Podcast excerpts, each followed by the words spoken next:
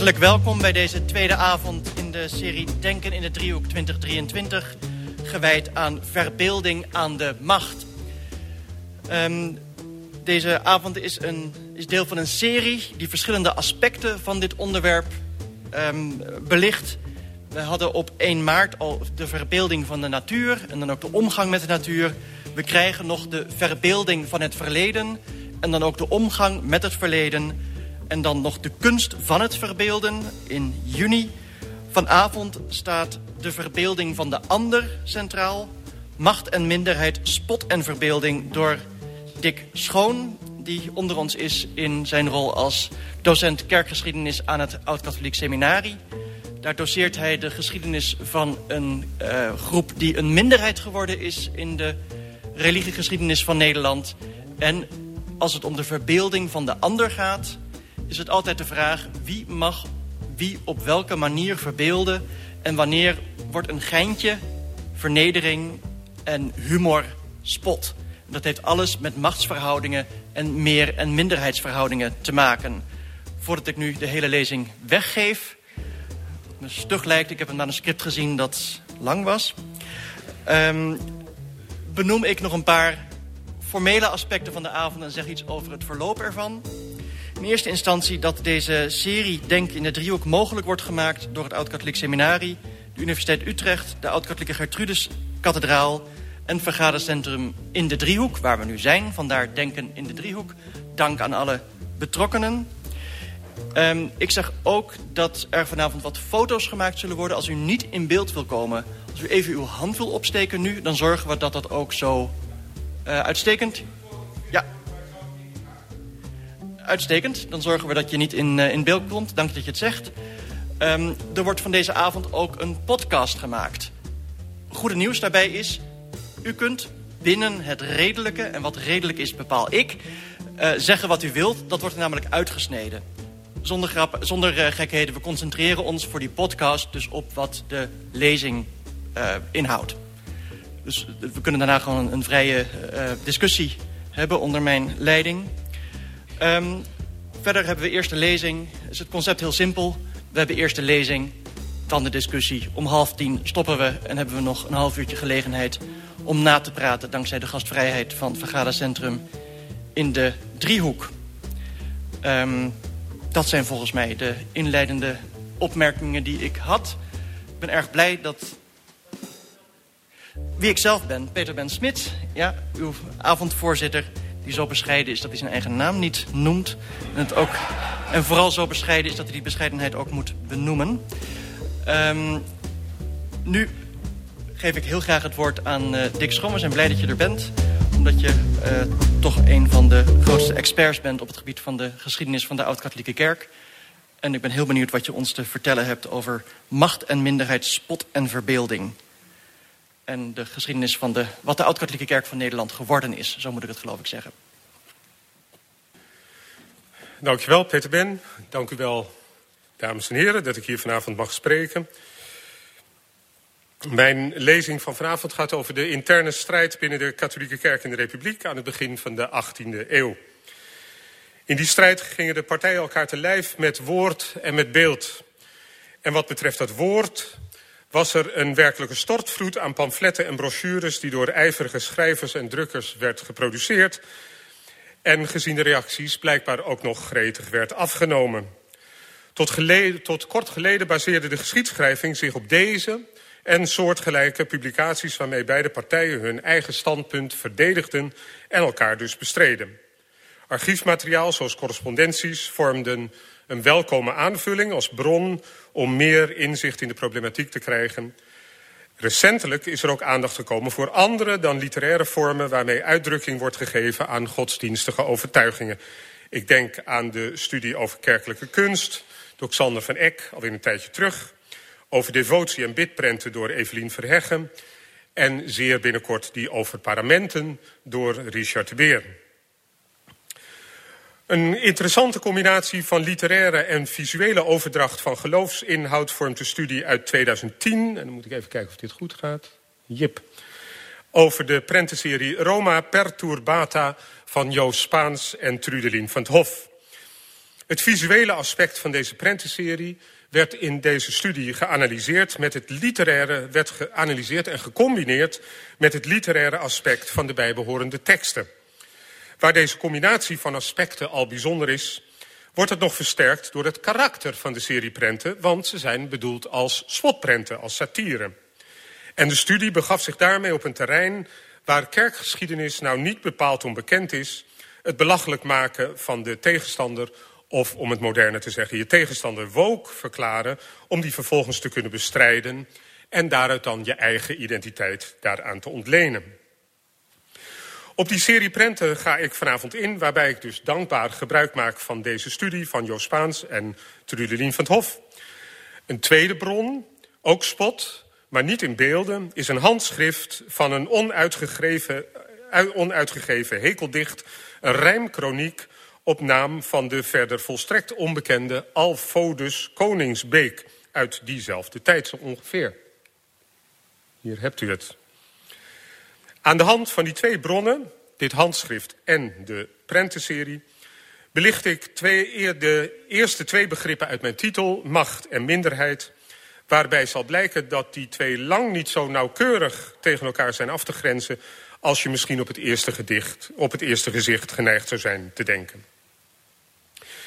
In een algemene studie over spotprenten noemde Ivo Nierhuis vier constanten op die hij in de meeste uitingen van satire aantrof. De eerste is een techniek, van, een techniek of tactiek van parodie, ironie of karikatuur. Een uitvergroting of verdraaiing van de werkelijkheid. Dat kan op zich nog tamelijk uh, neutraal zijn. De tweede is het opwekken van de lachlust. Dan wordt zoiets lollig of grappig. En dat kan onschuldig zijn, maar is het niet altijd. En dat gaat dus over in die derde constante, namelijk het belachelijk maken van een tegenstander, groep of idee. En tenslotte gaat satire vaak dan nog over het aan de kaak stellen van iets dat gevoelig ligt in de maatschappij, blijkbaar een heilig huisje of een taboe. Het is goed om die vier constanten te blijven bedenken bij het vervolg van het verhaal. Mijn lezing is als volgt opgebouwd. Ik begin met een inleiding over de positie van de katholieken in de republiek aan het begin van de 18e eeuw, om de achtergrond te kunnen schetsen. Daarna zoom ik in op de figuren Petrus Kodde en Theodorus de Kok, hoofdrolspelers in het drama dat zich in die tijd afspeelt en dat splitsing bracht tussen de katholieken van de republiek, waarbij zich een minder, binnen die algemene minderheid al een nieuwe minderheid aftekende. En daarmee is dan de achtergrond geschetst waartegen we het spotdicht van Koningsbeek en de prenten van Roma Turbata bekijken, per Turbata, waarna ik afsluit met enkele conclusies. Dus eerst iets over de katholieken in de republiek. Een minderheid heeft het niet altijd gemakkelijk, maar de mate waarin ze dat zo ook ervaart hangt af van de omstandigheden waarin ze leeft en de punten waarop zij van de meerderheid verschilt. Als die punten tamelijk onschuldig zijn of de kern van het bestaan niet raken, kan men zich wat betreft die belangrijkere punten makkelijk schikken naar de meerderheid en kan men zelfs zijn identiteit ontlenen aan datgene waarin men zich dan onderscheidt van de ander.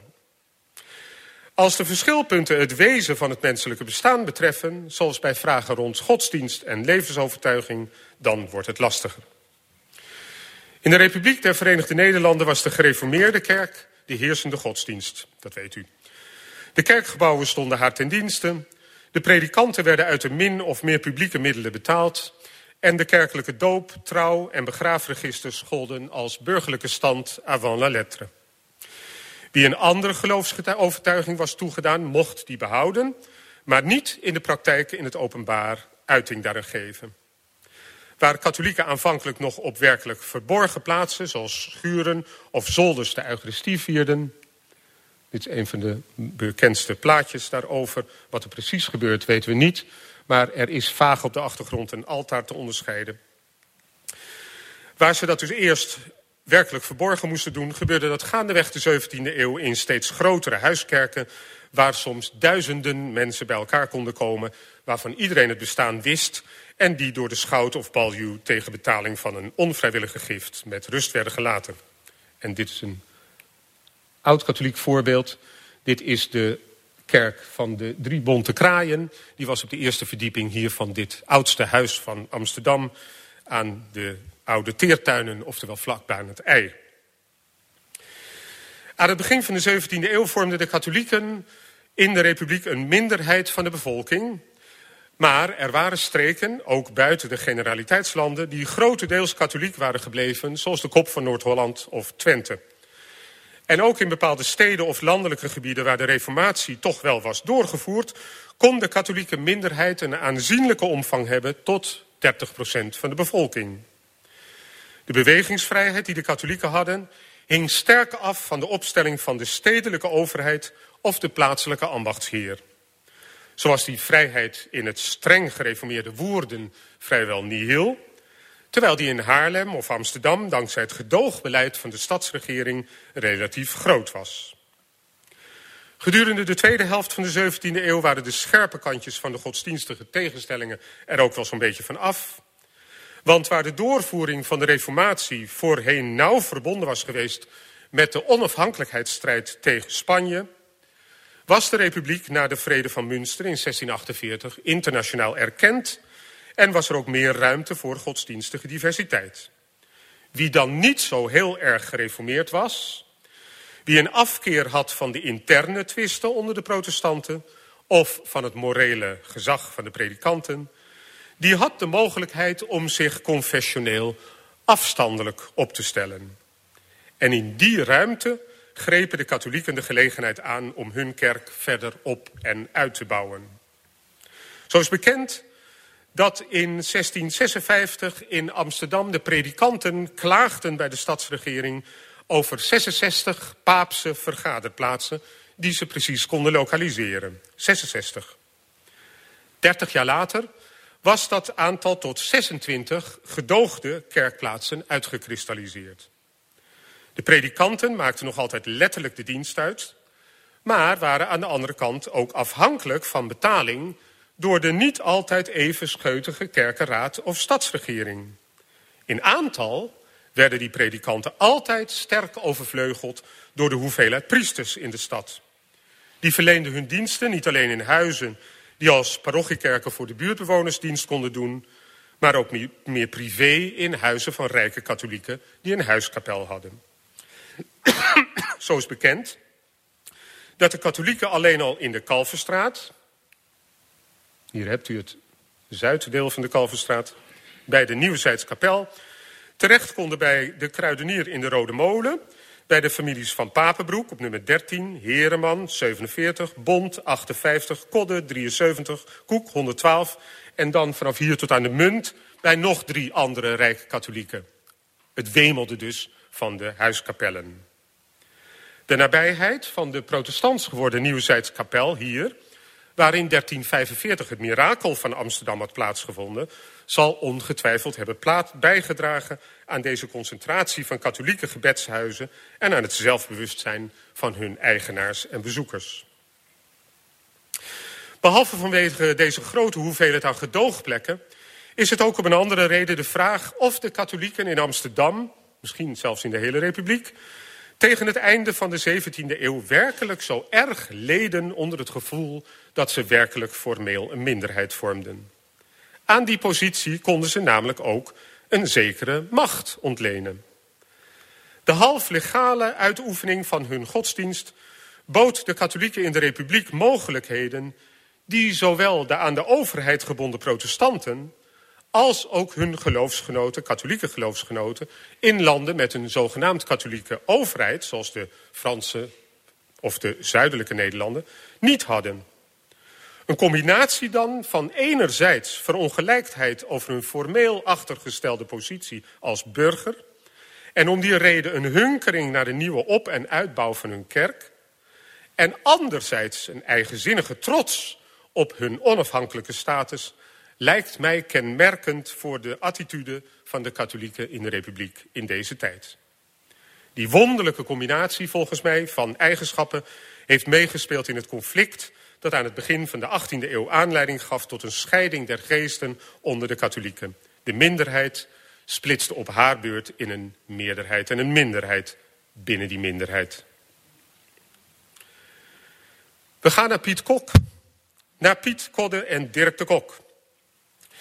De, Republiek stond tot ver buiten de landsgrenzen bekend om haar vrijheid van drukpers. Het drukken, uitgeven en verkopen van allerlei boeken, vluchtschriften, kranten en brochures vormde een belangrijke bedrijfstak in de steden. En daarmee ontwikkelde de Republiek zich tot spil in de Europese boekhandel, want wat elders verboden was, kon hier worden gedrukt. Het commentaar op actuele ontwikkelingen vormde daarbij een belangrijke bron. De stroom aan nieuwe publicaties kreeg een boost na 1702, toen gebeurtenissen binnen de katholieke bevolkingsgroep tot een enorme hoeveelheid pamfletten leidden. Wat was er aan de hand? De leider van de katholieken in de republiek, apostolisch vicaris Petrus Kodde, aartsbisschop van Sebaste, van Utrecht mocht hij natuurlijk niet heten, was naar Rome gereisd om daar zijn theologische opvattingen en zijn kerkelijke beleid te verdedigen. Vanaf het moment dat hij in 1688 als aartsbisschop van Sebaste de leider van de katholieken in de republiek was geworden en daarmee feitelijk de opvolger van de door de Staten van Holland niet toegestane aartsbisschop van Utrecht, had hij met tegenwerking te maken gekregen. Die kwam vooral van reguliere geestelijken, dat wil zeggen priesters die aan een orde of een congregatie zijn verbonden, en die het gezag van de apostolische vicaris als lokale bisschop niet erkenden of omzeilden. Ze beschuldigden Rome er in, er in Rome van dat hij er te strenge kerkelijke opvattingen op nahield, dat hij toestond dat alle gelovigen de Bijbel en sowieso allerlei verdachte boeken mochten lezen, en dat hij in zijn aanstellingsbeleid geestverwante studenten uit Leuven, strenge Leuven, bevoordeelde boven studenten die in Rome hun opleiding hadden gekregen. Terwijl Kodde in Rome aan verhoren werd onderworpen, ondertekende meer dan 300 geestelijken in de republiek, vrijwel de gehele seculiere geestelijkheid, een adhesiebetuiging aan hem. Die steun kon niet voorkomen dat Kodde nog tijdens zijn verblijf in de eeuwige stad in 1702 werd geschorst en dat een van zijn vroegere medestanders, maar nu tegenstander, Theodorus de Kok, tot zijn vervanger werd aangesteld. Die maatregelen van Rome schoten bij velen in het verkeerde keelgat. Allereerst waren dat de kapittels van Haarlem en Utrecht met de vier geestelijken die Kodde voor de periode van zijn afwezigheid als provicaris had aangesteld. Die waren hevig verontwaardigd over het eigenmachtige optreden van Rome dat geen reden voor Koddes schorsing gaf en geen enkel overleg met hen over een mogelijke vervanger had gevoerd. Ook Koddes familieleden roerden zich en maakten dankzij dankbaar gebruik van de invloed die zij dankzij contacten en familierelaties bij de Amsterdamse burgemeesters konden uitoefenen. En gezamenlijk zorgden zij ervoor dat de Staten van Holland in augustus 1702 een plakkaat uitvaardigde waarbij het aan de kok werd verboden om zijn nieuwe functie uit te oefenen. De Staten bepaalden ook dat Rome alleen een vervanger voor Kodde zou mogen aanstellen na behoorlijk overleg met de kapittels van Utrecht en Haarlem. Nu was Rome geschokt. Want hoe durfde een wereldlijke overheid zoals die van de Republiek, bovendien nou nog ketters protestants ook, zich te bemoeien met interne katholieke kerkelijke aangelegenheden? Wie de dagboeken van Kodde en de zijnen leest, ik heb ze uitgegeven een paar jaar terug, kunt ze kopen, ziet onmiddellijk dat de maatregelen tegen hem ten minste niet goed doordacht waren en dat er na zijn schorsing in Rome een impasse ontstond waarin geen van de betrokken partijen zonder gezichtsverlies iets kon toegeven aan de ander. Terwijl men in Rome op zoek ging naar een passende betrekking voor Kodde om hem daar vast te houden, kwamen de Staten in februari 1703 met een nieuw plakkaat waarin zij nu de terugkeer van burger Piet Kodde eisten en wel op straffen van verbanning van alle Jezuïeten uit de republiek. Dat had effect. Kodde mocht naar huis. Tegelijkertijd, en dat is eigenlijk nog ernstiger, liet Rome aan de kapittels van Utrecht en Haarlem weten dat hun alle bestuursmacht was ontnomen. Dus ze konden geen overleg meer voeren over een mogelijke vervanger voor Kodde. En een jaar later werd Koddes schorsing omgezet in een definitieve afzetting en daarmee was de impasse compleet. In de jaren die volgden werd gezocht naar een compromis. In 1705 leek dat nog te lukken met de benoeming van Gerrit Potkamp, maar die stierf helaas voordat hij de bisschopswijding kon ontvangen. Latere onderhandelingen liepen steeds stuk, omdat de Staten van Holland alleen iemand wilden toelaten die met medewerking van de kapittels van Utrecht en Haarlem was gekozen, terwijl Rome dat gezag van deze gremia nu juist niet meer toestond. En zo vormden zich dan twee katholieke groeperingen die zich beide goed Rooms-katholiek noemden. De ene groep waren de katholieken van de bisschoppelijke cleresie, met geestelijken die hun zending ontleenden aan de provicaris die Kodde nog had aangesteld en later het Utrechtse kapittel. De andere groep waren de katholieken van de Hollandse zending, met reguliere geestelijken die lid waren van een congregatie of orde en seculiere priesters die hun zending via de nunties in Brussel van de congregatie de propaganda fide in Rome ontvingen. Terwijl in 1701, zoals we zagen, nog een ruime meerderheid van 300 geestelijke kodden had gesteund, rekende in 1736, 30 jaar later, nog slechts een minderheid van 77 priesters zich tot de cleresie, tegen een meerderheid van 353 geestelijken, onder wie 91 regulieren van de Hollandse zending. We gaan naar de spotprenten en de rijmkroniek. In die woelige jaren dus rond Koddes definitieve afzetting... werd de strijd niet alleen op theologisch niveau uitgevochten... maar dus ook gewoon op straat. En het is telkens opnieuw een verrassing, als je de bronnen leest... om te merken hoe kleinschalig die toenmalige samenleving functioneerde... alsof ook de wereldstad Amsterdam een dorp was waar niets verborgen blijft. Als je ziet op welke kleine afstand van elkaar ook die 26 schuilkerken nog stonden... kan het niet anders dan dat de concurrenten elkaar op straat voortdurend tegenkwamen. De benauwde kleinburgerlijkheid die dat met zich meebrengt... ademen ook de spotprenten of spot- en hekeldichten... waarmee de vertegenwoordigers van de stromingen elkaar te lijf gingen. Met soms ronduit banale humor worden hoofdrolspelers in de kerkelijke twisten belachelijk gemaakt. En twee voorbeelden gaan we dus behandelen. Dat is het spotdicht, het verloren proces der Jansenisten... dat van 1705 zo ongeveer doorloopt tot 1726. En in beeld de serieprenten Roma Perturbata uit 1706 dateert die... met een uitgebreider herdruk van een jaar later. Vragen die die bronnen oproepen zijn... wie is hier eigenlijk aan het woord? Wie vormt meerderheid, minderheid? En hoe wordt er spot bedreven? En is het aan te geven wat men eigenlijk wilde bereiken met, het, met die rijmelarij en met die prenten. Ik begin met de kroniek van Koningsbeek en ga daarna in op de prenten van Roma Perturbata. De rijmkroniek opnieuw. Koningsbeek, spotdicht, telt een kleine 4700 versregels. Die om en om rijmen en die vrijwel altijd uit vier versvoeten bestaan. Dus het is een gedicht van weinig kwaliteit, zal ik maar even zeggen. Over de auteur, zoals gezegd, heb ik in alle bronnen en archieven helemaal niets kunnen vinden. Maar vanwege de grote hoeveelheid Amsterdamse passages lokaliseer ik hem toch in de hoofdstad. In chronologische volgorde beschrijft Koningsbeek dan voorvallen in de strijd tussen aanhangers en tegenstanders van Kodde.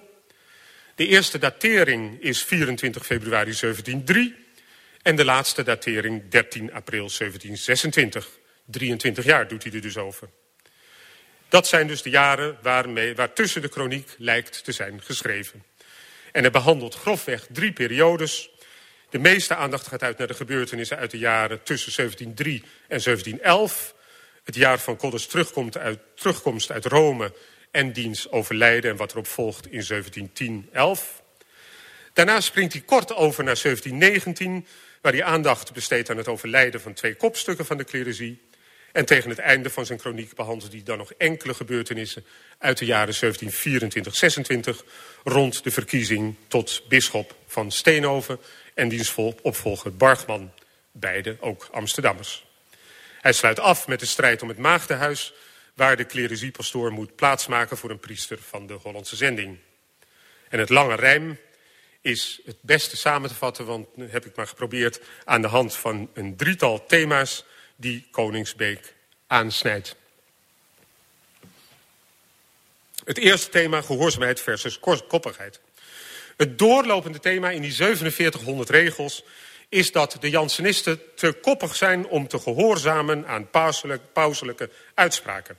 En die wordt meteen in de eerste regels aan de orde gesteld. Waarde mannen, lieve broeders, die men Jansenisten noemt... die als breineloze woeders door blauwboekjes, zijt beroemd, pamfletten, brochures...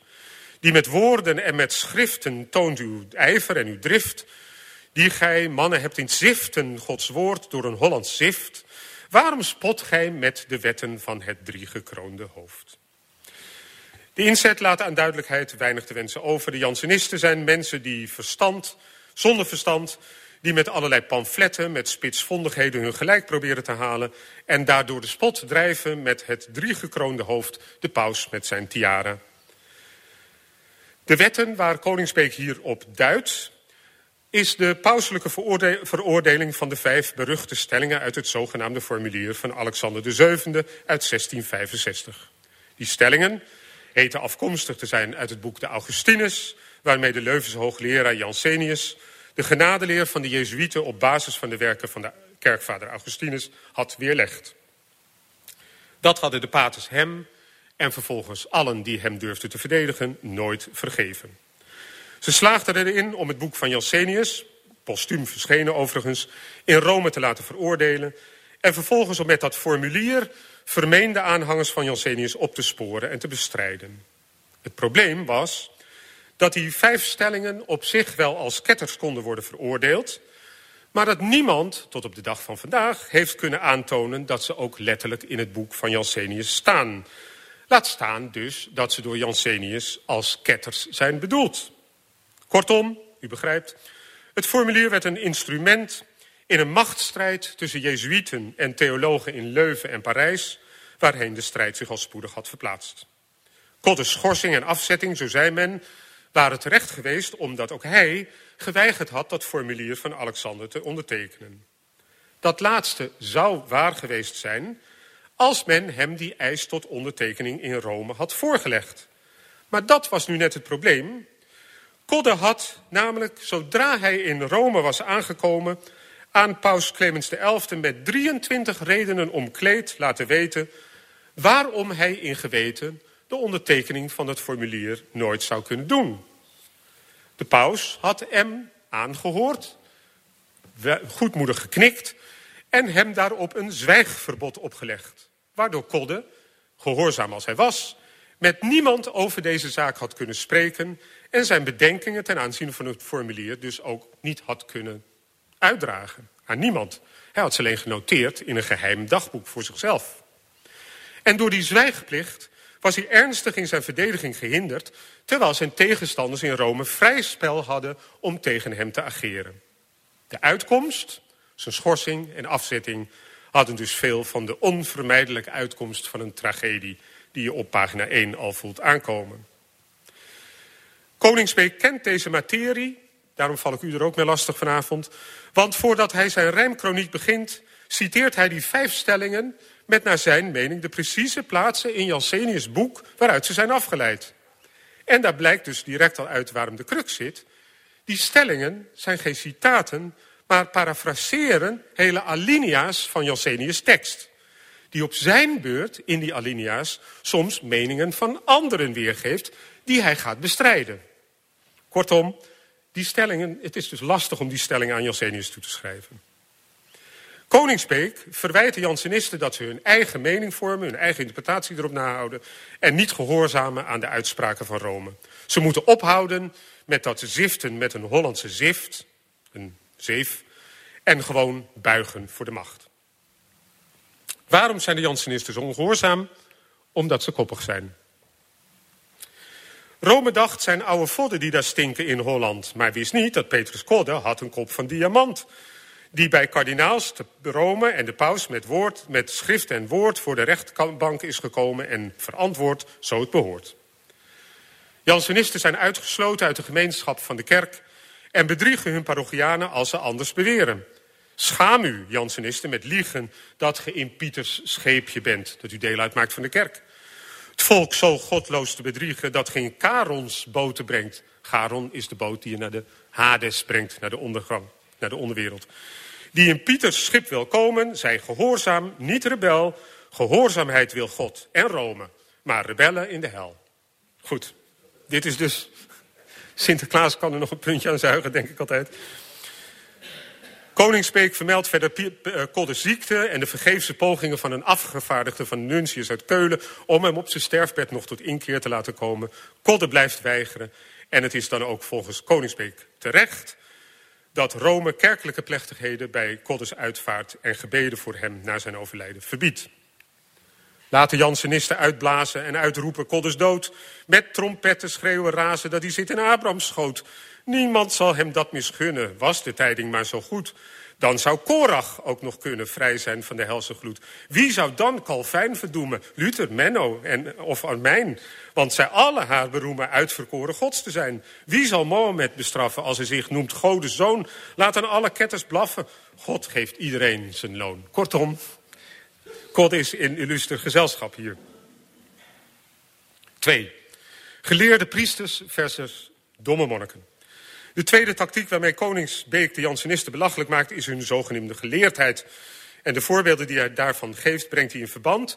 met de vier proficarissen die Kolder voor zijn vertrek naar Rome had aangesteld... om de kerk in de republiek te besturen. Na Kolders afzetting bleven die proficarissen doorfunctioneren... bijvoorbeeld door geestelijke als pastoors in parochies aan te stellen... Ze trotseerden daarmee de uitspraak van Rome die met de afzetting van Kodde ook hun, die dat met de afzetting van Kodde ook hun functie was komen te vervallen. Ze krijgen steun van Amsterdamse pastoors, onder wie Jacob het Zul, die is pastoor op de Nieuwzijds Voorburgwal. En zoals we horen heeft hij duiven op zijn dak. Deze vier vicarieheren van Sebaste vastgesteld zullen nu de paus wel leren wat zij achten zijn geweld. Wat zij achten zijn brevetten, wat zij achten ban en bul, wil daar maar te deeg op letten, het zal u zeggen, Jacob Zul. Als dit paapje zit verheven bij zijn duiven op het plat... kan hij ruiken wat bedreven wordt te Rome in de stad. Hij weet het beter dan Rome zelf. En even verderop pronkt het Zul zelf als tortelduif met zijn geleerdheid... Want Zul is filosofie, meesterknecht, gepromoveerd. Oh, wat is hij knap, in Leuven gepromoveerd. Daarom kan hij konstig strijden als een kropper met zijn steert. En een kropper is een duif, dat weet u. De volgende die wordt aangepakt is Jan van Heumen. Ook oud-student van Leuven en nu pastoor in Amsterdam buiten de Utrechtse poort. Waar later de Willy Broders buiten de, buiten de vesten staat. Van Heumen had in een open brief aan pater de Glabais, ik denk dat je het zo uitspreekt... Franciscaan van de Mozes en Aaronkerk, een van de verklaarde tegenstanders van Kodde verklaart dat alle paters die als luizen hun parochianen met allerlei prularia en bijgelovigheden aalmoezen aftroggelen, maar beter meteen uit de republiek kunnen vertrekken. Dit is Jan van Heumen. Munnekes en makanalje, zei Jan aan de Stenenbrug, die daar lopen als rapalje met de bedelzak op rug. Wilden zij naar kap maar kruipen en ons Holland laten vrij. Men zou haast een kerk kuipen naar de zin der kleren zij. De godsdienst in Nederlanden zouden haast zijn verlost van de riemen, koorden, banden, skapeliers en paternost. Wou de munnik maar verlaten ons Holland dat hem behaagt. Of mocht hij door de plakkaten weer in het klooster zijn gejaagd. Want Van Heumen vreest de luizen die zijn op de monnikskap. De monnik wil niet verhuizen, zei Jan, door een wetenschap die men in het bordeel moet vragen, van een pol of van een hoer. Dat men eer een hond zou jagen levendig weer in zijn moer, als een munnik in zijn kappen. Is dat niet een grote spijt? Begrijpt u wat er bedoeld wordt? Ja. Je jaagt eerder dus een hond weer terug in de schoot van zijn moeder... dan een monnik in zijn monnikskap of in zijn klooster, waar hij onschuldig blijft. Dit is de banale humor van de 18e eeuw. De koppige arrogantie is volgens Koningsbeek niet voorbehouden aan geestelijke alleen. Een bijzondere rol heeft hij voor Johannes Bol, dat wil ik u toch niet onthouden, alias Robol, inderdaad met rood haar zeilmaker van beroep, maar ook voorzanger en vioolspeler in een van de Amsterdamse schuilkerken. Koning Speek drijft eerst spot met hem als verdediger van Kodde rond 1710 en vervolgens dichter van een grafschrift voor Paquier Knel in 1719. Tis Hans Bol. Hoor hem eens krollen. Hoor hem blaffen als een hond die het zwart of rode bollen ze stinken als duivelstront. Hoort de bol, zingt als een kater en dicht als een zwarte kool. Let maar eens op zijn gesnater, het schort hem in zo'n rode bol. Daarom springt hij als de apen, toont zijn kale, naakte aars. Eers, als hij scheldt de kloosterpapen met zijn onbeschofte veers. Zijt, De Jezuïetenschrijvers maken versen zonder maat, zijn onbeschofte ezelstrijvers, botte vlegels, vol vuil praat. Lasteraars en de eerdieven die maar kladden op papier, ruime kwanten die met brieven maken niet als groot getier. Knibbelaars en de bedriegers zijn die paters altemaal, haarklovers en de beliegers, schimpers vol van lastertaal, brabbelaars en windbrekers, snappers, domme kekelaars. Zo scheldt hij de Roomse prekers en de Roomse bedelaars. Bondverbrekers, oproermakers, ontrouw voor het vaderland beursensnijders en de wakers bij des duivels helse brand. Met ontrouw aan het vaderland is het derde thema aangesneden dat in Koningsbeek, Koningbeeks rijmelarij aan de orde komt, namelijk de verhouding tot de staten. De Jansenisten plaatsten zichzelf wegens hun ongehoorzaamheid en koppigheid buiten de gemeenschap van de kerk ze roepen niet alleen de hulp van de burgerlijke overheid in om hun positie te handhaven, maar kiezen er volgens Koningsbeek voor om een nationale kerk te zijn. Dat begon al met het verzet tegen de aanstelling van de kok als plaatsvervanger van Kodde. Laat hij, de paus, Dirk Kok aanstellen, provicaris van Holland. Hij zal nooit met zijn gezellen zijn staf hier zien geplant. Laat Clemens met Roomse bullen ons verschrikken zo hij kan. Op ons recht wij, zullen, wij roemen zullen. Holland vreest geen Roomse ban. Als Koningsbeek in zijn kroniek in 1708 is aangekomen... maakt hij melding van de aanzegging die 14 Jezuïeten in Holland en West-Friesland... uit naam van de Staten van Holland op 16 februari werd gedaan. Van de kant van Rome was na het overlijden van Potkamp Adam Damen tot, tot apostolisch vicaris benoemd. Omdat dat echter buiten medewerking van de clericie, van de kapittels, was gebeurd, had hij geen admissie van de Staten gekregen. Nu, in 1708, gaven de Staten opdracht aan de Jezuïeten om binnen drie maanden tot overeenstemming met de clericie te komen over de benoeming van een voor alle partijen aanvaardbare nieuwe apostolisch vicaris, ter vervanging van die damen. En in deze gepolariseerde verhoudingen was dat natuurlijk te veel gevraagd en inderdaad werden er in juni 14 Jezuïeten verbannen. In deze context werd het woord Rooms zelfs verdacht gemaakt en clericie-pastoor Albert Schukking zag dat woord Rooms liever vervangen door Hollands, aldus Koningsbeek. Albert zei, Albert zei, gij moet niet zeggen dat wij Roomse priesters zijn, wil de naam van Rooms afleggen. Wij zijn Hollandse priesters, fijn. Wij zijn waarlijk apostolisch, staats- of Hollands-katholiek, niet als Mensing, Fox en Kool is, die wij ook, is mogelijk, zullen door staatsplakaten doen verwerpen in het Rooms gebied, of hun statiën verlaten, Holland wijkt voor Rome niet. Die Mensing, Fox en Kool zijn seculiere priesters van de Hollandse zending. Koningsbeek blijft dus liever bij de paus. Hij verwerpt natuurlijk een nationale kerk. Dat is trouwens ook in strijd met de katholiciteit van de kerk. Hij verwelkomt de veroordeling van alle vernieuwingen waarmee Kodde en de latere Jansenisten de kerk wilden ontslaan van haar gehoorzaamheid en onderwerping aan Rome. Hij blijft liever oud-katholiek. Omdat haar van Rooms geloof en de paus gehoorzaamheid niemand heeft konnen beroven, want zijn vaardig tot de strijd, gelijk de oude katholieken in het Verenigd Nederland van geen Roomse kerken wijken, blijven tot de dood constant. Dat zegt hij dus nu niet van de Jansenisten, maar van zichzelf en zijn partij. Samenvattend, Koningsbeek drijft de spot met de Jansenisten door een karikatuur te maken van hun ongehoorzaamheid, hun koppigheid en geleerdheid en hun beroep op de burgerlijke overheid. Met dat alles plaatsen zij zichzelf buiten de gemeenschap van de katholieke kerk en door het verbreken van de band met Rome zijn ze in dezelfde fout gevallen als alle andere ketters en scheurmakers van alle tijden. Volgens mij wordt het hoog tijd om te kijken hoe we... Ja, nogal. Hoe Kodde en zijn tegenstanders in de prentenserie ervan afkomen. Na die uitgebreide woordenvloed van Koningsbeek zijn de prenten van het beroerde Rome een welkome afwisseling wel. Een van de prenten kende Koningsbeek overigens, namelijk de afbeelding waarin waarop Kodde in bisschoppelijk gewaad aan een zeef schudt die God in zijn hand houdt en waardoor de aanhang van de kok jezuïeten en andere monniken doorheen vallen. Zoals ik in mijn eindleiding al zei, vormt die serie spotprenten Roma Perturbata het onderwerp van die studie van Van het Hof en van Spaans met een uitgebreide toelichting. De titel van die studie luidde het beroerde Rome, spotprenten op de paus in een pleidooi voor een Nederlandse katholieke kerk. 1705, 1724. En dat Nederlandse, terecht tussen aanhalingstekens, moet ons een klein beetje voorzichtig maken. Uit deze jaartallen blijkt al dat de studie ongeveer dezelfde periode bestrijkt als de rijmkroniek van Koningsbeek, namelijk van 1705 tot 1725. In die periode gebeurt er dus veel, zoals ik inmiddels duidelijk heb gemaakt. En dat begint dan met de afzetting van Kodde en het eindigt met de verkiezing en wijding van Steenhoven tot aartsbisschop van Utrecht in 1723. De prenten dateren dus uit de relatief vroege periode van deze ontwikkeling, want ze zijn het 1706. Ze werden uitgegeven en misschien voor een deel ook gemaakt door Karel en Abraham Allard, drukkers en uitgevers in Amsterdam op de Dam. Die publiceerden jaarlijks een serie prenten onder de overkoepelende titel De Lusthof van Momus, waarbij Momus staat voor de Griekse god van spot en hoon.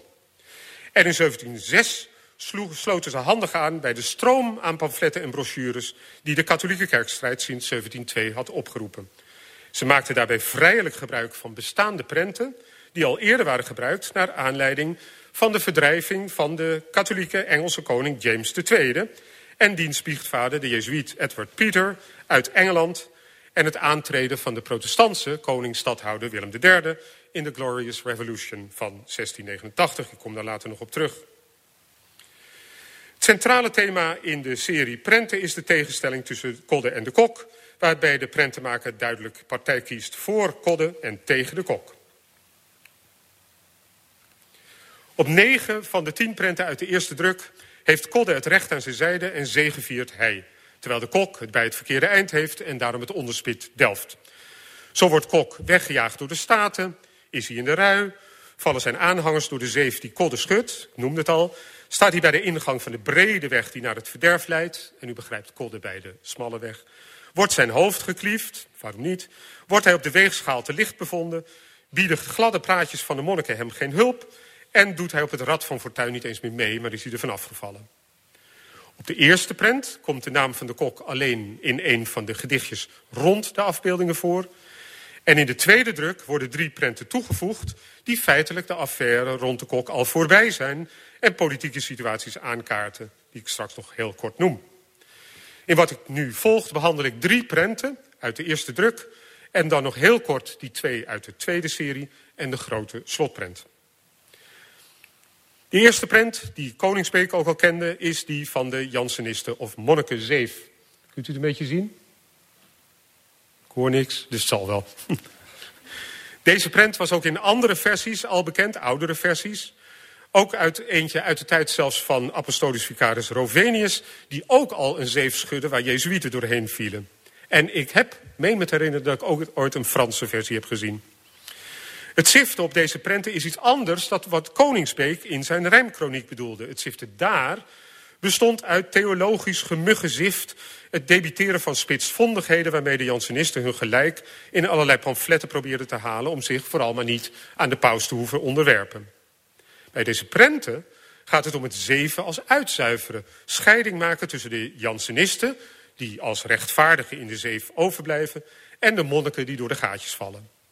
Hemels kracht houdt de zeef vast aan zeven touwen, de zeven Verenigde Provinciën natuurlijk, terwijl Kodde de zeef vanaf de linkerhand schudt en een sterke arm van de Staten met zeven pijlen datzelfde vanaf de rechterkant doet. En helemaal rechts staat een haan, de kok die als weerhaan naar de Sint-Pieter lonkt, kraait. Hij is ook een van degenen die door de zee valt, dus hij is dubbel afgebeeld, waardoor staf en mijter hem ontglippen. Door het luchtruim zweeft er nog de tijd, daarboven, die de drie figuren schijnheiligheid en bijgeloof, geweld en twist en bedrog voorzien van jezuïetenbeurzen verdrijft. Prent 8 toont onder de titel Rooms-Hollands Recht een weegschaal. Op de ene schaal hebben de Bijbel van keizer Karel V, een boek van Jansenius en een aandoenlijk klein Nederlandse leeuwtje met zwaard en zeven pijlen voldoende gewicht om met hun gelijk de balans te doen doorslaan, terwijl Kodde in bisschoppelijk gewaad slechts terzijde hoeft te staan. Op de andere schaal bieden misboek, met erop een klein kukelend haantje, een pauselijke tiara en sleutels, een wijwaterkwast, pauselijke bul en aflaat, zelfs verzwaard met een jezuïet met een monstrans en geholpen door een minderbroeder Franciscaan die aan de touwen trekt, niet voldoende tegenwicht om het gelijk aan hun kant te krijgen. Mene tekel ufarsim, citeert de prentenmaker Daniel 5. Gij zijt gewogen en gij zijt te licht bevonden, paus, kok en kloostervolk, biecht neerland uw zonden. Een onsgerechtigheid weegt meer dan tien pond gunst. Op Nederlands rechtsschaal helpt geweld nog gunst, nog kunst. De bescherming die de staat op deze prent aan Kodde en zijn aanhangers biedt... is dezelfde als op de eerste, allereerste prent... waar Kodde in een middelste medaillon wordt afgebeeld als lam... onschuldig dier dat met Christus geassocieerd wordt... beschermd door bliksems uit de hemel die het Vaticaan treffen... en door de Nederlandse leeuw die met zwaard in zeven pijlen... van de zeven provincies weer in zijn klauwen dreigt. Ter weerszijde van deze, dit medaillon zijn deze twee afgebeeld paus en nuncius, omgekeerd duivel en nar. Het Hollands recht biedt bescherming tegen onterechte strafmaatregelen van Rome. Overigens kan men zich afvragen of de clericie met deze karikaturen kon instemmen. Want de eerbied waarmee men gewoonlijk met zaken als liturgische voorwerpen omging... en waarbij men zelfs ook de paus bejegende, doet anders vermoeden. En dit wordt bevestigd door de volgende prent. De nieuwe Roomse kerktrofee. Deze prent toont een borstbeeld en profiel van de paus, geheel opgebouwd uit liturgische voorwerpen. Waar deze afbeelding van de paus al wat ver ging, was dat zeker het geval met het rijm in de marge. In de linkermarge staat dat niet afgebeeld. Waar de spot wordt bedreven met de sacramenten. En dit gebeurt zo grondig dat een katholieke auteur zeer onwaarschijnlijk lijkt. Er staat namelijk op de zeven pauselijke sacramenten. Door doopsel werpt de paus quan suis de duivel uit... die in hem zelf gestaag door trotsheid hoger spruit. De wereld speelt de baas met kappen te vervormen... van alle kanten wil men Babels hoer bestormen. Uw altaars voor de kraam een schouwspel is gelijk... het is al mis. Bid gena van Holland en van het Rijk... van het laatste geeft u blijk. Veel narren biechten u... Doch mocht men u eens horen, men merkte u leed van het Rijk en Holland te verstoren. Gij munniken, nu tot, uw reis, tot de reis uw laarsen smeert, voor het heilig oligsol uw dolie dus ontbeert. Het priesterschap gelijkt na het oud gebruik der Joden vol bijgelovigheid, ook heidens van methode. Het beste sacrament van deze is de heilige echt. Doch de heilige vader mist die zelf. Dat is duivels slecht. Dit kan niet door een katholiek, goede katholiek geschreven zijn, laat ik het zo zeggen. Zoals ik al zei, Spaans en Van het Hof wezen ook in hun studie al op de, de politieke connotaties die sommige prenten prijsgeven. Dat begon al met de bedoeling waarvoor sommige prenten oorspronkelijk waren gemaakt, zoals ik al zei. Namelijk de situatie in Engeland rond de verdrijving van de katholieke koning daar en het aantreden van de protestantse stadhouder koning Willem III. James de tweede, de gevluchte koning, had zijn toevlucht gezocht in Frankrijk. Dat zeker na de herroeping van het edict van Nantes in 1685 een bedreiging vormde voor de protestantse staten in Europa.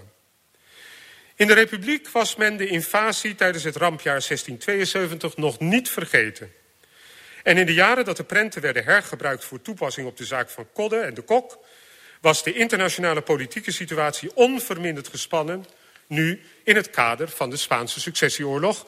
waarbij het expanderende Frankrijk tegenover het Habsburgse keizerrijk stond. Oostenrijk werd door Engeland en door de Republiek gesteund tegen Frankrijk. Toen de bisschopszetel van Münster vakant werd in 1706... vormde de verkiezing van de nieuwe bisschop de inzet van diplomatiek getouwtrek. De Duitse, de keizer in Wenen, probeerde zijn kandidaat door te drukken... en paaide de paus door hem toestemming te geven om de kerk van Santa Maria dell'Anima in Rome aan een visitatie te onderwerpen, zoals de paus al met alle andere kerken en kloosters in de kerkelijke staat had gedaan. De republiek had een andere kandidaat op het oog, namelijk die door het kapittel van Münster was gekozen. De paus zat in een moeilijk pakket en hij koos voor de kandidaat van de republiek, in de hoop dat de republiek dan alsnog de kok als apostolisch vicaris zouden toelaten in de republiek. Dat bleek een misvatting. De republiek was daar niet toe bereid. En de prenten 11 en 12 brengen die pauselijke misrekening tot uitdrukking. Even kijken. Dat, oh, dat, had ik helemaal, dat heb ik helemaal voorgelezen. Had ik mee kunnen lezen. Excuus. Dit is prent 11. Hier staat het met zo. En prent 12, ik kan er nu verder niet op ingaan, want het wordt te laat. Maar dat is dus de Roomse kerken visiteerde. De paus die zit op de, laat zich door de kok leiden... om mee te gaan uh, in de benoeming van, uh, van de kandidaat van de... Wat zei ik nou? Wie was het ook weer? Van de Republiek. In de hoop dus de kok toegelaten te krijgen. Maar hij, dat is een misvatting. Hij mag wel visiteren, maar dat wordt niet beloond. Ik weet niet of het nou helemaal duidelijk was, maar vooruit. Begrijp wat ik wil zeggen. De slotprent. Hoppakee. Dit is de mooiste prent. Die is ook dubbel, een dubbelblad. De andere is helemaal enkel blad. Print 13 is een prent van Romein de Hoge... die de Allarts aan een serie toevoegde. En het heet Het Groot Rooms Kokkeaans Munnekemaal. Hij zit met monniken rond de tafel... en doet zich te goed aan een uh, prachtige pastei, zoals u ziet. En de monniken zijn ook niet de magerste, dus ze hebben het allemaal erg goed. Uh, de Ondeugden omringen hem. En de ondeugden zoals hoofdvaardij, toren, hebzucht, geldzucht en weet ik wat allemaal. Dus die beheersen de eetzaal. In de afbeeldingen boven ziet u wat monniken allemaal voor fout doen. Dus die nemen iemand een biecht af op zijn sterfbed... en troggelen hem tegelijkertijd natuurlijk zijn geld af, dat begrijpt u. Uh, ze preken in de preekstoel, maar lijken dan toch wel erg op een wolf. En wie er niet mag binnenkomen, dat is de Jansenist. Die wordt buiten de deur gehouden. Ook deze prent dus, een spotprent, aanvankelijk, oorspronkelijk... op het anti-protestantse beleid van James II... die in 1681 gouverneur van Schotland was geworden... En in, de in, het origineel was de gast die de toegang werd geweigerd... een Schotse Calvinist. In Roma Perturbata wordt het dus een Jansenist... die door de toren wordt buitengesloten. En een van de gasten die zich aan de maaltijd vermaken met de zeven hoofdzonden... is te identificeren, zoals ik zei, als de kok... die zijn masker afdoet om met vrouwen hoofdvaardij te smoezen. Samenvatting. De prentenserie pakt dus enkele thema's op... die ook in de rijmkroniek van Koningsbeek aan de orde komen... maar spitsen die vrijwel volledig toe op de tegenstelling Kodde en de kok. De kok probeert zijn bevoegdheid met hulp van pauselijke uitspraken... en vooral intriges van monniken vast te stellen en bevestigd te krijgen... Hij legt het af tegen Kodde, die de waarheid en het recht aan zijn zijde heeft... en vooral door de staten en de hemel wordt beschermd. Op de achtergrond spreekt in de tweede editie van de prenten de internationale politiek een woordje mee... waar de paus vanwege zijn vasthoudendheid aan de positie van de kok... in zaken de benoeming van de nieuwe bisschop van Münster bakzeil moet halen... en in de prenten eigenlijk belachelijk wordt gemaakt. Besluit. Spot en verbeelding staan centraal Zowel in de rijmkroniek van Koningsbeek als in de prentenserie van de Allarts. Spot wekt de lachlust op en relativeert de ernst die aan sommige zaken wordt toegedicht. Dat neemt niet weg dat er onder ironie en spot wel degelijk ernstige zaken schuilgaan... die juist vanwege de ironie aan de orde kunnen worden gesteld... onder het mom van, ach, het is toch maar een grap. Maar het is wel even gezegd. Machtsverhoudingen die maken dat een bepaalde boodschap niet gebracht kan worden zonder dat de brenger ervan gevaar loopt, kunnen met spot en ironie ontmaskerd worden. Het belachelijk maken van ernstige zaken kan daardoor behalve ontregelen ook gewoon ontspannen en werken als ontnuchtering. In de rijmkroniek van Koningsbeek worden de Jansenisten neergezet als halsstarrige, ongehoorzamen die zichzelf buiten de gemeenschap van de kerk plaatsen. Daarmee bereikt de dichter dat hij zelf zonder zijn positie te hoeven uitleggen, aan de goede kant staat. Als behorend tot een minderheid van de katholieken in de republiek... kan hij zich zodoende tegenover een andere minderheid zelf tot een meerderheid rekenen... die zich zonder verantwoording te hoeven afleggen voor hun eigen keuze in zaken geloofskwesties of het zielenheil... louter door gehoorzaamheid aan de macht van Rome zich veilig kan wanen. Rijmkroniek en prentenserie maken gebruik van spot om de oneenigheid binnen de katholieke minderheid van de republiek aan de kaak te stellen. Ze doen dat echter met een verschillend oogmerk. Waar de rijmkroniek de aanhangers van Kodde oproept tot gehoorzaamheid... door zich bij de meerderheid van trouwe gelovigen te voegen en zich aan Rome te onderwerpen... roept de prentenserie hen juist op om te breken met de partij van de kok... die gesteund door paus en monniken de zelfstandigheid van de protestantse republiek bedreigt. De aanhangers van Kodde moeten maar een nationale katholieke kerk gaan vormen. De aanhangers van Kodde staan dus voor de lastige keuze om het gewicht van het eigen geweten af te wegen tegen aansluiting bij de meerderheid. Ja, welke meerderheid dan eigenlijk? De clericie koos, zoals bekend, voor geen van beide uitersten. Ze nam ten aanzien van pauselijke uitspraken een kritische houding aan, zonder daarmee ooit de band met Rome te willen verbreken. Een keuze voor een breuk met Rome zoals de Reformatie had gedaan, was voor haar ondenkbaar, omdat ze katholiek wilde zijn. Misschien komen we door deze verschillende opties, waarmee, waartoe rijmkroniek en prenten de clericie oproepen, de macht van een minderheid op het spoor. Omdat men geen werkelijke macht heeft en die dan ook niet hoeft te verdedigen, kan men vrij zijn om in alle bescheidenheid het eigen geweten te volgen en eerlijke keuzes te maken. Met excuus voor mijn lange praten en dank voor uw aandacht.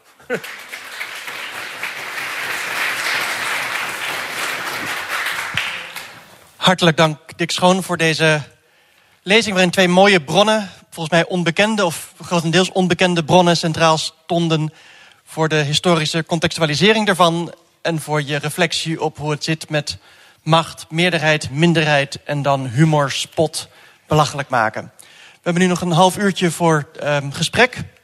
Dat doen we zo dat u uw hand opsteekt als u een vraag hebt. Ik kom naar u toe. Uh, ik houd u de microfoon voor en hem ook vast. Uh, en ik vraag u ook met het oog op de tijd om uw vragen kort en bondig te houden, zodat we ook korte en bondige antwoorden krijgen. Ik zie een. Ja, ik probeer het bij te houden. Misschien zegt u uw naam ook nog eventjes. Uh, Pim, Pim Walenkamp. Uh, hartelijk dank voor uw lezing. Twee korte vragen. Eén, u mag morgen op uh, 27 april, een hele bijzondere dag, want 300 jaar geleden is de Oud-Katholieke Kerk echt helemaal losgekomen van de andere katholieke kerk, mag u op uh, de thee bij de paus Franciscus. Wat is uw ene verzoek, uw belangrijkste vraag aan paus Franciscus? Dat is één. Twee, 300 jaar geleden is dus de oud-katholieke kerk vanwege die bischopswijding echt losgeraakt. Mag ik u daarmee feliciteren of te condoleren? Veel dank. Nou, het zijn in ieder geval gepointeerde vragen. Veel dank. Ja. Wat betreft vraag 2, uh, u mag me feliciteren hoor. Ik ben hartstikke trots op mijn kerkje. In het besef dat we een van de kerken zijn op weg naar een grotere toekomst. Dat moet er altijd bij gezegd worden, naar een gemeenschappelijke toekomst. En wat betreft de eerste vraag, ik heb de paus twee keer nu ontmoet en ik heb hem twee keer iets mogen toezeggen. Dus de eerste keer, ik weet niet meer wat ik. De eerste keer liep ik door de gangen van het Vaticaan. En dan loop je langs al die prachtige fresco's. En dat is natuurlijk bedoeld om je te imponeren. En als goede oud-katholiek dacht ik, ja, ik ga, heilige, mijn heilige vader zit in de hemel. Dat is de enige die ik vader noem. Heilige vader in ieder geval wat moet ik tegen hem zeggen? Dus ik dacht, ja, collega, dat kan toch ook niet zeggen, broeder Frans of zo. Dat zou goed oud-katholiek zijn natuurlijk. Ik heb natuurlijk gewoon heilige vader gezegd uiteindelijk. Uh, ik weet niet meer precies wat ik hem toen heb gevraagd. Nu zou ik hem vragen, uh, ik, ik, weet niet of ik een vraag zou stellen. Ik zou hem veel sterkte wensen met het synodale proces, denk ik, in zijn kerk. En ik hoop werkelijk dat dat ergens toe leidt. Omdat het anders veel meer teleurstelling nog teweeg brengt. Uh, ik heb inmiddels, weet ik toch ook wel dat de Rooms-Katholieke Kerk internationaal zo ingewikkeld in elkaar zit... dat het vermetel van mij zou zijn om daar uh, meteen enig advies in te geven. Of zo. Maar ik zou zeggen van als u me wilt bellen, bent u altijd welkom. Bedankt, we gaan hier verder. Even uw naam en uw vraag dan. Oh, ik ben Albert-Jan. Even een algemene vraag. Hoe ga je om met bijvoorbeeld een Poetin... die begon is alle spot uh, van zich weg te halen. Dus dat mocht niet meer op televisie en zo. Ja, volgens mij kan je er niet mee omgaan. Maar misschien heeft u nog een wijze opmerking in die trant. Oei, oei, oei, oei. ja, de spot en de ironie vooral volhouden, zou ik zeggen, waar het wel kan. En ja, de mensen opvangen die vluchten uit Rusland... die daar het vrije woord niet meer kunnen voeren. En als christen zou ik zeggen, we moeten vooral veel bidden... Dat helpt. Het is niet als dooddoener bedoeld, maar werkelijk als laatste redmiddel van een christen, denk ik. Als alle andere hulp moeten we natuurlijk ook doen hoor. Maar dat niet zonder dat. Bedankt. Um, de aanwezige oud-katholieken, ik tel er maar vier, die weten dat ik Peter Hofman Kolk ben. Um, uh, dat uh, hekeldicht, daarvan heb je de auteur niet kunnen vaststellen. Wijst dat er niet gewoon op dat het een pseudoniem was, wat in de zin niet ongebruikelijk was? Dat kan, ja. ja. Ik ben verder niet onbekend met de geschiedenis van de Republiek. Uh, ik denk dat de financiën het beste de verhoudingen uitdrukken. Uh, Holland bracht uh, 55% van alle financiën in. Het landschap Drenthe. Een landschap is overigens een gebied waar geen steden in liggen. Het landschap Drenthe 1%. En ik heb me er zaterdag ook over verbaasd. En dat, doe ik nu weer. Dat je het steeds hebt over de Staten van Holland. Want Utrecht Utrecht ligt niet in Holland. Nee, maar de Staat van Utrecht volgde meest, meestal wat de Staat van Holland zeiden. Want die betaalde namelijk 80% van het leger. En Utrecht niet. Okay. En waarvan Amsterdam dan weer 80% van de Staat van Holland, geloof ik. Ja. Dus de, ja, macht, de machtsverhouding... niet over een leger. Ja. Nee. Bedankt. We gaan uh, de staatsfinanciën. verder. Bedankt, Peter. Ja, ik ga daarheen, dan kom ik daarheen terug. Jaap van Oort. Is die rijmkroniek uitgegeven? Kan ik die ergens helemaal lezen? Mocht ik daar zin in krijgen? Uh, ik zal met de redactie van de seminariereeks overleggen. Geluk. Hij is klaar, dus... Hou wat, Hou ik u aan. Ja, goed. Okay. Gelukkig zit de spreker zelf... Het wordt, wel, ja, het wordt wel saai, hoor, na een paar pagina's. Dan denk je, jee, mag mee. Het gaat maar door. Wacht. Henk Schoon. Hey, ken ik u. Ja. um, in het boek van uh, Caroline Lenarduzzi dat, um, valt me al, viel het me op toen ik dat boek uh, las van de Katholiek in de Republiek. Dat het niet alleen is om een boodschap af te geven, uh, het standpunt wat je inneemt naar een andere partij toe. Maar ook naar jezelf, om je eigen identiteit te versterken. Ja. En in hoeverre is daar sprake van met die karikaturen en die spotprenten... dat het eigenlijk ook een boodschap was naar de eigen groep? Ja. Ja, dat is een goede vraag. Omdat we niet weten wie die Koningsbeek is, is het gokken. Ik denk niet dat hij van de clericie is, want daarvoor is hij veel te... Hij is wel goed op de hoogte, maar hij maakt werkelijk iedereen belachelijk binnen de clericie. En dat lijkt me toch not dan. Dus het lijkt me eerder iemand van de tegenpartij dan. Uh, ook omdat hij zo hamert op die gehoorzaamheid. En verder dat helemaal nergens meer uitwerkt. Waarom dat dan zo zou moeten zijn. Uh, dat is één. Um, jezelf een positie geven door, door zo'n spot dicht, dat is wel heel duidelijk. Kijk, voor die Allards, dat waren gewoon commerciële boekuitgevers... die zagen gewoon een markt en die denken... hé, hey, we liften mee op die Roomse kerkstrijd... en hop, we gebruiken, gooien die prenten nog een keer in de strijd. En omdat ze twee keer uitgegeven zijn... hebben ze blijkbaar succes gehad, ook nog. Dus dat is gewoon commercieel succes, denk ik. En wat die Allards verder kerkelijk waren, dat weet ik eigenlijk niet eens. Ik denk dat ze gewoon bij de, bij de gereformeerde kerk hoorden dan... Um, wat betreft dus die uh, rijmkroniek. Wat ik zei, die Allard, die, die, of die Koningsbeek... die is lid van de minderheid in de republiek, namelijk katholiek.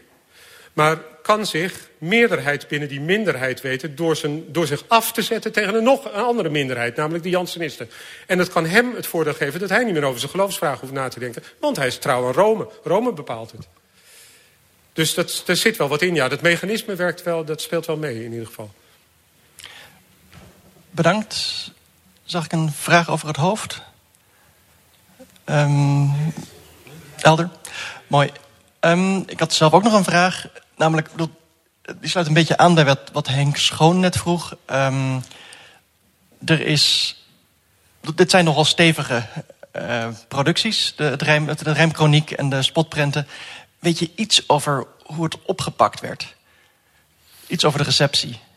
Nou, die rijmkroniek is een handschrift gebleven. Dus ik denk dat dat gewoon ja. privé notitieboek geweest is. Zoals sommige mensen een dagboek bijhouden, hield hij een rijmkroniek bij. Ook omdat het over zo'n langere periode gaat. Hè? Het begint 1703 en dat is tamelijk... Ik denk dat het com contemporair geschreven is. Dus hij is in 1703 gaan zitten, heeft een paar pagina's geschreven. En het jaar daarna schreef hij weer een paar pagina's. En in 1726 doet hij dat dus nog een keer voor het laatst. Um, dus ik denk dat dat niet in, daarvan kun je niet zeggen hoe het aangekomen is. Je kunt uit de hoeveelheid pamfletten en brochures... want soms lijkt deze rijmkroniek wel erg op sommige brochures... die gedrukt uitgegeven zijn. Dus wel degelijk in de openbaarheid zijn gekomen. En daar reageert dan weer iemand op met een tegengedicht... en nog iemand met een tegengedicht. En voor je het weet heb je 60 van die pamfletten die één groot een grote scheldkanonade bijna vormen... waarvan je zegt, hou, de mensen, mensen hadden blijkbaar niks anders te doen of zo. Dus het, het was wel een beetje mode, denk ik, om elkaar zo te lijf te gaan. Helder, bedankt. Verdere... nog een hele korte. Eh, welk percentage van die pamfletten denk je dat terug te vinden is in knuttel? Misschien heeft knuttel ook van de spreker een toelichting nodig... als helder Ja. is wie met knuttel bedoeld wordt. Ja. Maar dank je. Eh, Knuttel is, eh, meneer Knuttel is een eh, hele slimme meneer geweest in de 19e eeuw... die notabene promoveerde volgens mij op een oud-katholiek onderwerp... of op, het, op de ontwikkeling van de oud-katholieke kerk. In die tijd, in de 19e eeuw, dus dat is bijzonder. Die heeft een verzameling van pamfletten aangelegd. Dus die heeft alle bro- brochures en pamfletten die in de loop der eeuwen gepubliceerd zijn... heeft hij netjes onder elkaar gezet op kaartjes en netjes uitgegeven. Dat zijn een hele hoop delen geworden. Duizenden nummers zijn dat. En dus iemand verwijst naar knuttel als hij zegt... oh, dat staat dus in knuttel. Dus pamflet zoveel uit knuttel. En dan is dit... ehm, even kijken, want ik had er ergens een voetnoot over, geloof ik. Waar stond dat ook weer? Of was dat nou weer een... Ik schrijf zoveel artikelen dat ik het ook niet meer weet. Nou, ik geloof dat eh, in 1705 57% van alle brochures die in dat jaar verschijnen... en zegt dat dat er 300, 400 zijn... dat het alleen over deze strijd gaat. Alleen over deze kerkstrijd. Knuttel is overigens niet exclusief oud-katholiek. Is de pamflettenverzameling van de Koninklijke Bibliotheek in Den Haag. Ja, ja. Ja, ik heb niet gezegd dat hij alleen oud-katholieke pamfletten deed. Hij verzamelde gewoon alle pamfletten die die, die tegenkwam. Goed. Helder. Wat, wat ik ervan leer is in ieder geval dat het over een substantiële discussie gaat. Tenminste, ehm, Ja, heel, heel... helder. Mooi. Verdere reflecties, eh, verbanden. Ja, ik ga nog een keertje naar achteren. Oh, wacht, ik heb het hier staan.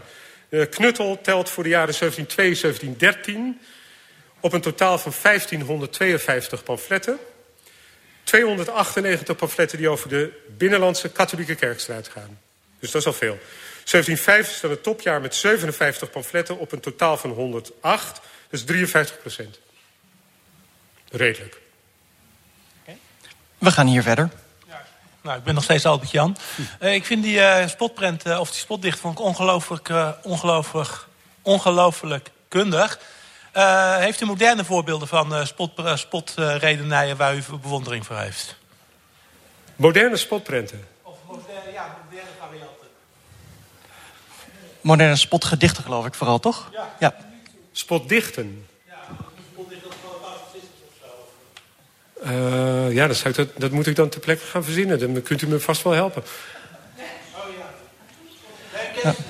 Maar is, is er een cartoonist die je bewondert bijvoorbeeld? Oh, die ik bewonder. Ja, die jij bewondert. Oh!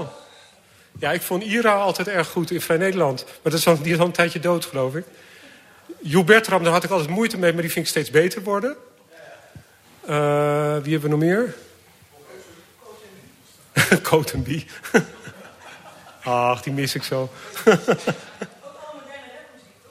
ja, moderne rapmuziek natuurlijk ook. Ja, ja, ja. Ja, eigenlijk wel, hè? Ja, ja, dat is leuk. Goed dat je het zegt.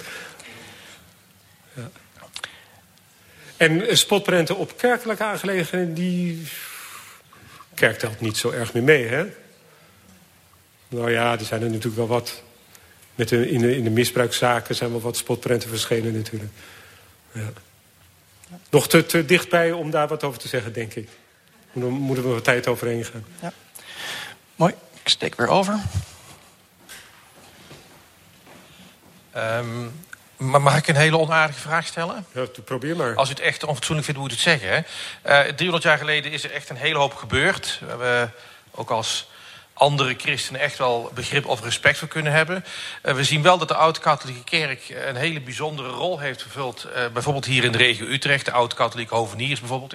De naam van Oort hoorde ik al. En zo kun je er honderden noemen. Ja, maar dat is nou net weer geen familie. U, u snapt waarom ik Van Oort noem. Maar goed, wat ik bedoel te zeggen is... eh, de Oud-Katholieke Kerk was toen 20.000 groot, vlak na de oorlog. En nu nog geen 5.000. Over 50 of 100 jaar, wat is, wat is dan nog de Oud- Oud-Katholieke Kerk nog? En wat hoopt u dan toch echt nog specifiek wel te bereiken... of te behouden als het bij een andere kerk in zou gaan... bij zou gaan voegen? Het wordt gewoon steeds deftiger om alle kanten nu te Nou, hoe, ziet, hoe ziet u uw perspectief?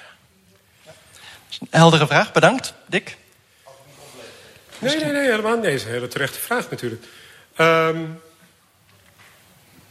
Ik denk dat het zich zal uitzuiveren wat noodzakelijk is en wat niet.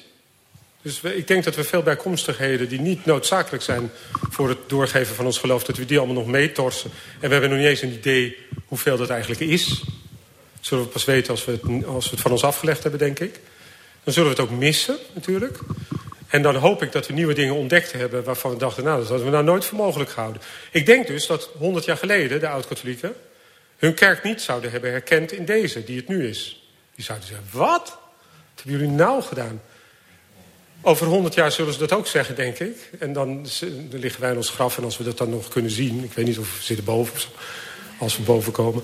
dan uh, schudden wij meewarig ons hoofd en hebben, zeggen we... hoe hebben we ons zo'n zorgen kunnen maken. Ik denk dat de opgave waar de Oud-Katholieke Kerk voor staat... Is, een, is uitvergroot waar alle kerken voor staan. Dus het gaat mij om de toekomst van, christelijk, van de christelijke traditie in West-Europa überhaupt. Die ik erg, uh, waar ik nog niet zo direct een, uh, een duidelijke toekomst voor zie. Maar dat ga ik verder vertellen op de ecumenelezing half mei in, uh, in de Geertekerk. Dus daar bent u ook van harte welkom.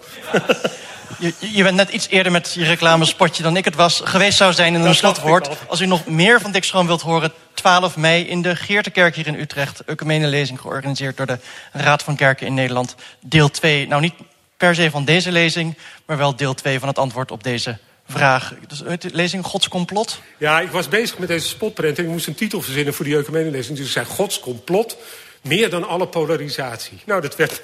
Oh, je stonden te juichen. Dit was het ster... Dus een beetje een spottende titel natuurlijk. Dit was het reclameblokje, maar wel, wel gemeend. We gaan hier verder met de volgende vraag. Oh.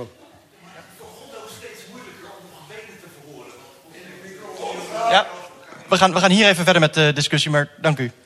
Ja, ik, ik houd hem vast. Oh ja. Dit is een hele interessante historie. Ook interessant om die uh, spotpunten en spotdichten te zien en te horen. Uh, zijn er veel andere van die periodes in de kerkgeschiedenis geweest, hier of daar, waar ook dit fenomeen zich heeft voorgedaan? En wat zijn de factoren die zo een mechanisme in werking zetten? Kunt u nog even uw naam zeggen ook? Ik ben Koos Smits, priester in de katholieke kerk. Dank u. Dat is vragen om die reactie. Dick, ja, dat, dat komt bij de borrel wel. Dick. Um, dit kon vanwege de drukpers. Dus het feit dat er zoveel gedrukt werd in de Republiek natuurlijk. Dus dat is punt één. Uh, ook rond, in eerdere periodes rond bijvoorbeeld gebeurtenissen in Frankrijk... zijn er al heel veel prenten verschenen. Dus er werd door middel van prenten werden bijvoorbeeld veldslagen... werd bekendheid gegeven aan hoe veldslagen waren verlopen. Dat was heel gangbaar in die tijd. Maar vergt dus wel een goede drukpers... goede graveurs natuurlijk, dus een hele industrie die erachter zit. Dus dat komt pas met de boekdrukkunst, zou ik maar zeggen, dat het snel opkomt. Uh, dat het zo in, in, in, polemisch wordt, dat is natuurlijk bij heftige, heftige strijdpunten. Dus ik denk, binnen de katholieke wereld is dat pas weer rond het Vaticaans Concilie bijvoorbeeld. Eerste Vaticaans Concilie dan natuurlijk. Want daar, dat, was ook, dat was ook een strijdpunt natuurlijk. De reformatie heeft ook heel Ja, de reformatie heeft natuurlijk ook heel veel prenten opgeleverd. Ja. Ja. Dus als er, zo, dat soort, dus als er, als er maar genoeg heftige punten gedebatteerd in het debat meespelen... dan krijg je dit soort prenten natuurlijk ook. Dus het is één van de manieren waarop... Uh, sorry. Je kunt met woorden dingen uitdrukken, maar natuurlijk met plaatjes ook. En wij zijn niet de eerste die dat bedenken. Onze tijd is erg rijk aan plaatjes, met woorden eronder. Maar dat hadden ze eerder toch eigenlijk ook al wel vaak door. Ja. Goed, sorry. Nu mag ik. uw naam en uw vraag. Ik ben Leo van der Ruit. Misschien heb ik me gemist, maar de, de link tussen die spot en, het, en de thematiek meerderheid-minderheid, die, die pak ik niet zo.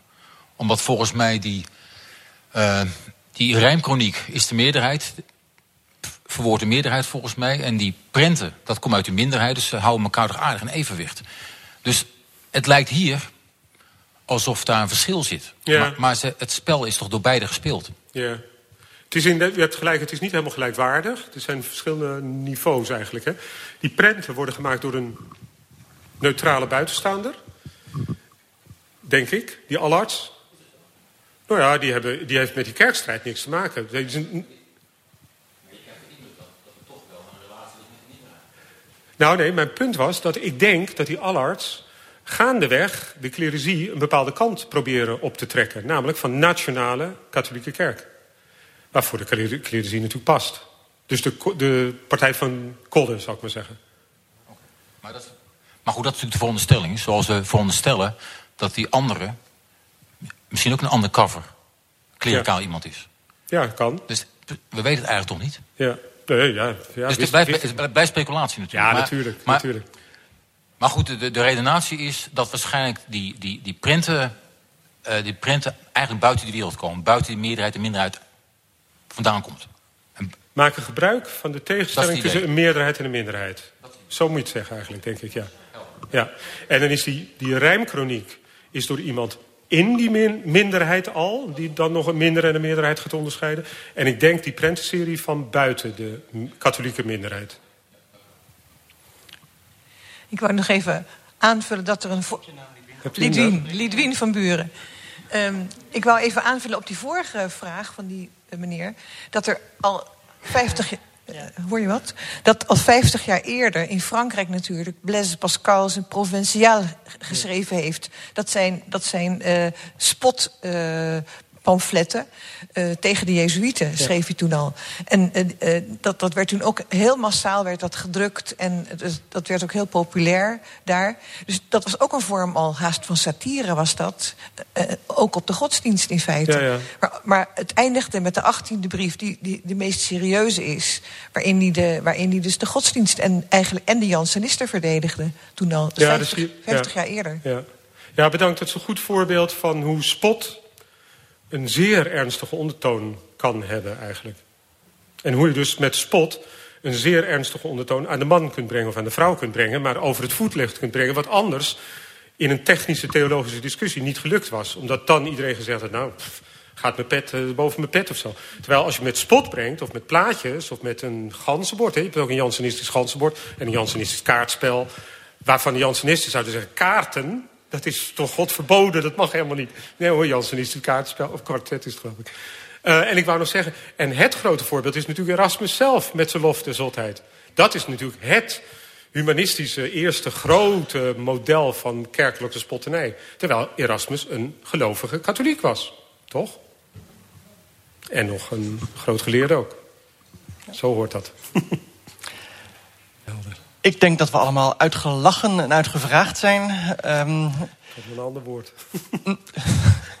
dus dan rest mij niets dan hartelijk, nogmaals hartelijk te danken voor je lezing, voor dit inkijkje eh, in humor die aan de ene kant heel oud is, maar ik denk dat het, het, de manier waarop mensen hier ehm, in de maling worden genomen of eh, op de manier waarop eh, met ze de spot wordt gedreven, die herinnert, doet mij wel denken aan manieren waarop mensen vandaag de dag bespot worden. Dus door bepaalde eigenschappen uit te vergroten. Van ach ja, het zijn alleen maar geleerden bijvoorbeeld, ze zijn altijd koppig. Of eh, ze weten het beter dan iedereen, waarom zou je ze eh, geloven? Ze kennen geen gehoorzaamheid. Dat zijn allemaal motieven die je volgens mij ook vandaag de dag wel ziet. Ehm, dus je lezing heeft ook een grote actualiteit, denk ik. Ook op de achtergrond van meerderheid en minderheidsverhoudingen. En de complexiteit van wie nu precies op welke manier... waar in welke meer of minderheid zich bevindt... en zich dan tot anderen verhoudt. Veel dank. Eh, het reclameblokje dat ik nu gepland had, had ik, heb ik voor de helft al verschoten, zoals u net gehoord heeft. De andere helft die komt nog. Ehm, dat is namelijk dat u ehm, ook van harte uitgenodigd bent om de verdere lezingen in deze serie eh, bij te wonen. Dat is op 17 mei de verbeelding van het verleden door Ferry Patti, een theoloog uit de Molukse traditie. Eh, u kunt zich voorstellen dat de manier waarop je het verleden vormgeeft en weergeeft in die traditie van bijzondere betekenis is. En op 21 juni de kunst van het verbeelden door Bob Venus. En Bob Venus is zelf kunstenaar. Dus dan gaat het, zal het heel letterlijk om verbeelding en verleden gaan. Ehm, verbeelding, de kunst van het verbeelden gaan. Dan niet zozeer in, de reden, in relatie tot het verleden, maar in relatie tot macht. Ehm, ja, we zien jou allemaal tenminste op 12 mei weer in de Geertekerk. En dank je nu hartelijk ehm, voor je lezing. U allen hartelijk dank voor uw komst. Hartelijk dank aan iedereen die deze avond heeft mogelijk gemaakt. Niet in de laatste plaats het ehm, vergadercentrum waar we ons bevinden. En waar we ons nu, dankzij de gastvrijheid daarvan, ook nog eh, informeler kunnen ontmoeten aan gene zijde van die twee deuren. Nogmaals hartelijk applaus, denk ik, voor Dick. En nog een kleine attentie.